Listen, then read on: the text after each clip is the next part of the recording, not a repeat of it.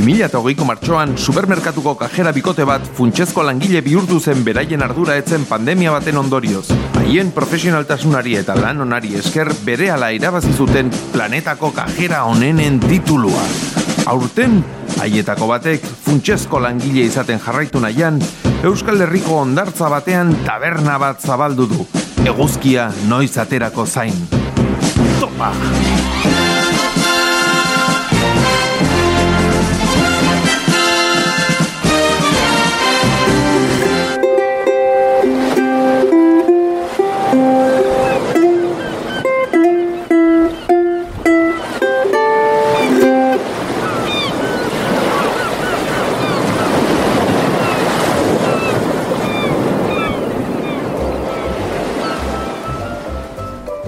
Listen and repeat. Fill the gaps of the next sentences. Kaixo, egunon. I never have been to London. Kaixo, At London. barkatu.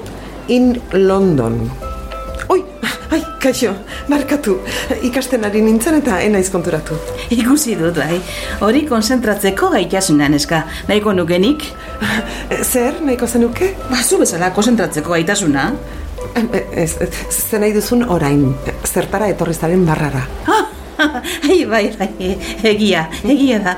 E, dispersatu egiten naiz eta azkenean ahaztu egiten zait zertan ari naizen. E, ta, ta zu zer moduz?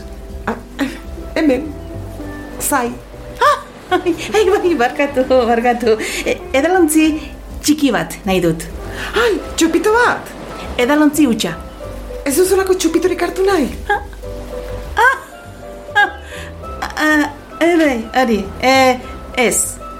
Uija egiteko da. Zer egiteko? Uija. Badakizu zer den? Ah, bai, bai. Soriako izebak esaten zidana eskotea jartzen nuen bakoitzean. Uija, ui, ui, hija. Uija. Oi, Ja, claro, claro, claro, normal. E, tokatu zaizun horrekin. ja, ja. bueno, enaiz kejatuko, ez? Neiko, neiko nukenik. Zer nahiko zenuke? Zure konzentrazio gaitasuna. Despistatu egin naiz. bueno, bai, bai. Ah, gizon askori gertatze zaio, bai. Orduan, ez dakizu Ouija zer den, ez da? Ideiarik ez. Espiritismoa. Zuk gauza hauetan sinesten aldezu. Ah, bai, bai, desente, bai, bai. Gauza askotan sinesten dut. Konspirazioa non, amaia, han. Nor da amaia? Ni, bueno, jende asko da amaia, baina ni ere bai. Ai, ni bezala. Zure amaia dezientzara? Olga Potrova. Baina lagunentzako Mari Carmen. Baina, Mari Carmen edo Olga ez da amaia. Ez, Mari Carmen, Mari Carmen da. Ja, amaia, amaia ere, amaia da. Ja, urte askotarako. Berdin, ai, despistatu egin naiz. Ni ere bai. Ta, z- zertaz ari ginen? Ba, euskalo.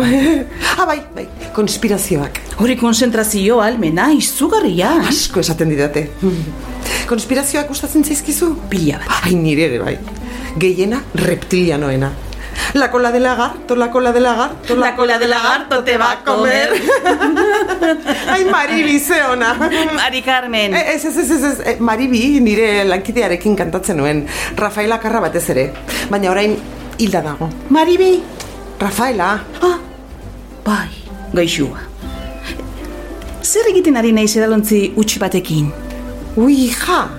Zer, txika? Uija egin behartzen nuen edalontziarekin, ez? Ai, egia. Aizu, nerekin batera egin edizu. Bale. orain jende gutxi dago eta ez daukat lanik. Gaur lainotuta dagolako agian. Egunero, dago, lehiotuta. Nola egiten da uija hau? Oso errez. Edalontzia hoz behera jarriko dugu taula honen gainean. Atzarekin edalontzia ikutu eta fuerte fuerte konzentratuko gera. Fuerte, fuerte? Ospina baino fuerteago. Vale. Zuri zaizu gozatuko, hori inbidia txika. Ja, ja, ja. Bueno, eta gero, zer? Espiritu batekin kontaktuan jartzen garenean, edalontzia gure energiaren bidez mugituko du taulako izkien gainetik. Eta horrela, gurekin hitz egingo du. Zeinekin hitz egin nahi duzu? Um, Julian Jantzirekin... Hilda dagoen horbetekin izan behar du? Ah, noski, noski, noski. Bizirik daudenekin telefonoz hobe izaten da, noski. Bai, hobe. Eh, eh, Julian Jantziren telefonoa ez ez izango ez da. Ba, ba, ez, ez, ez. Eta zuk? Ez ere, ez, Ah, ez. ja. Hildako norbaitekin hitz egingo de gorduan. Bale, bai, hobe. Badakit. Rafaelarekin... Ondo da. Konzentratu zeitez. Fuerte, fuerte. Fuerte, fuerte. Listo. Rafaela! Hoch bazaude! Egiguzu seinale bat! Ouijak funtzionatuko aldu. Lortuko aldu amaiak Rafaelarekin bat egitea. Txupitoa edango aldute. Izan alditeke Mari Carmen baino pertsona enpanatuagorik. Ez galdu urrengo kapitulua. Topa!